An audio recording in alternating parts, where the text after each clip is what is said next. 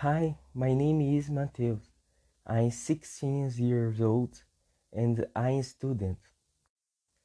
My project for the future is to make an audiovisual college and become an independent filmmaker. Day, I want to know I want to studio.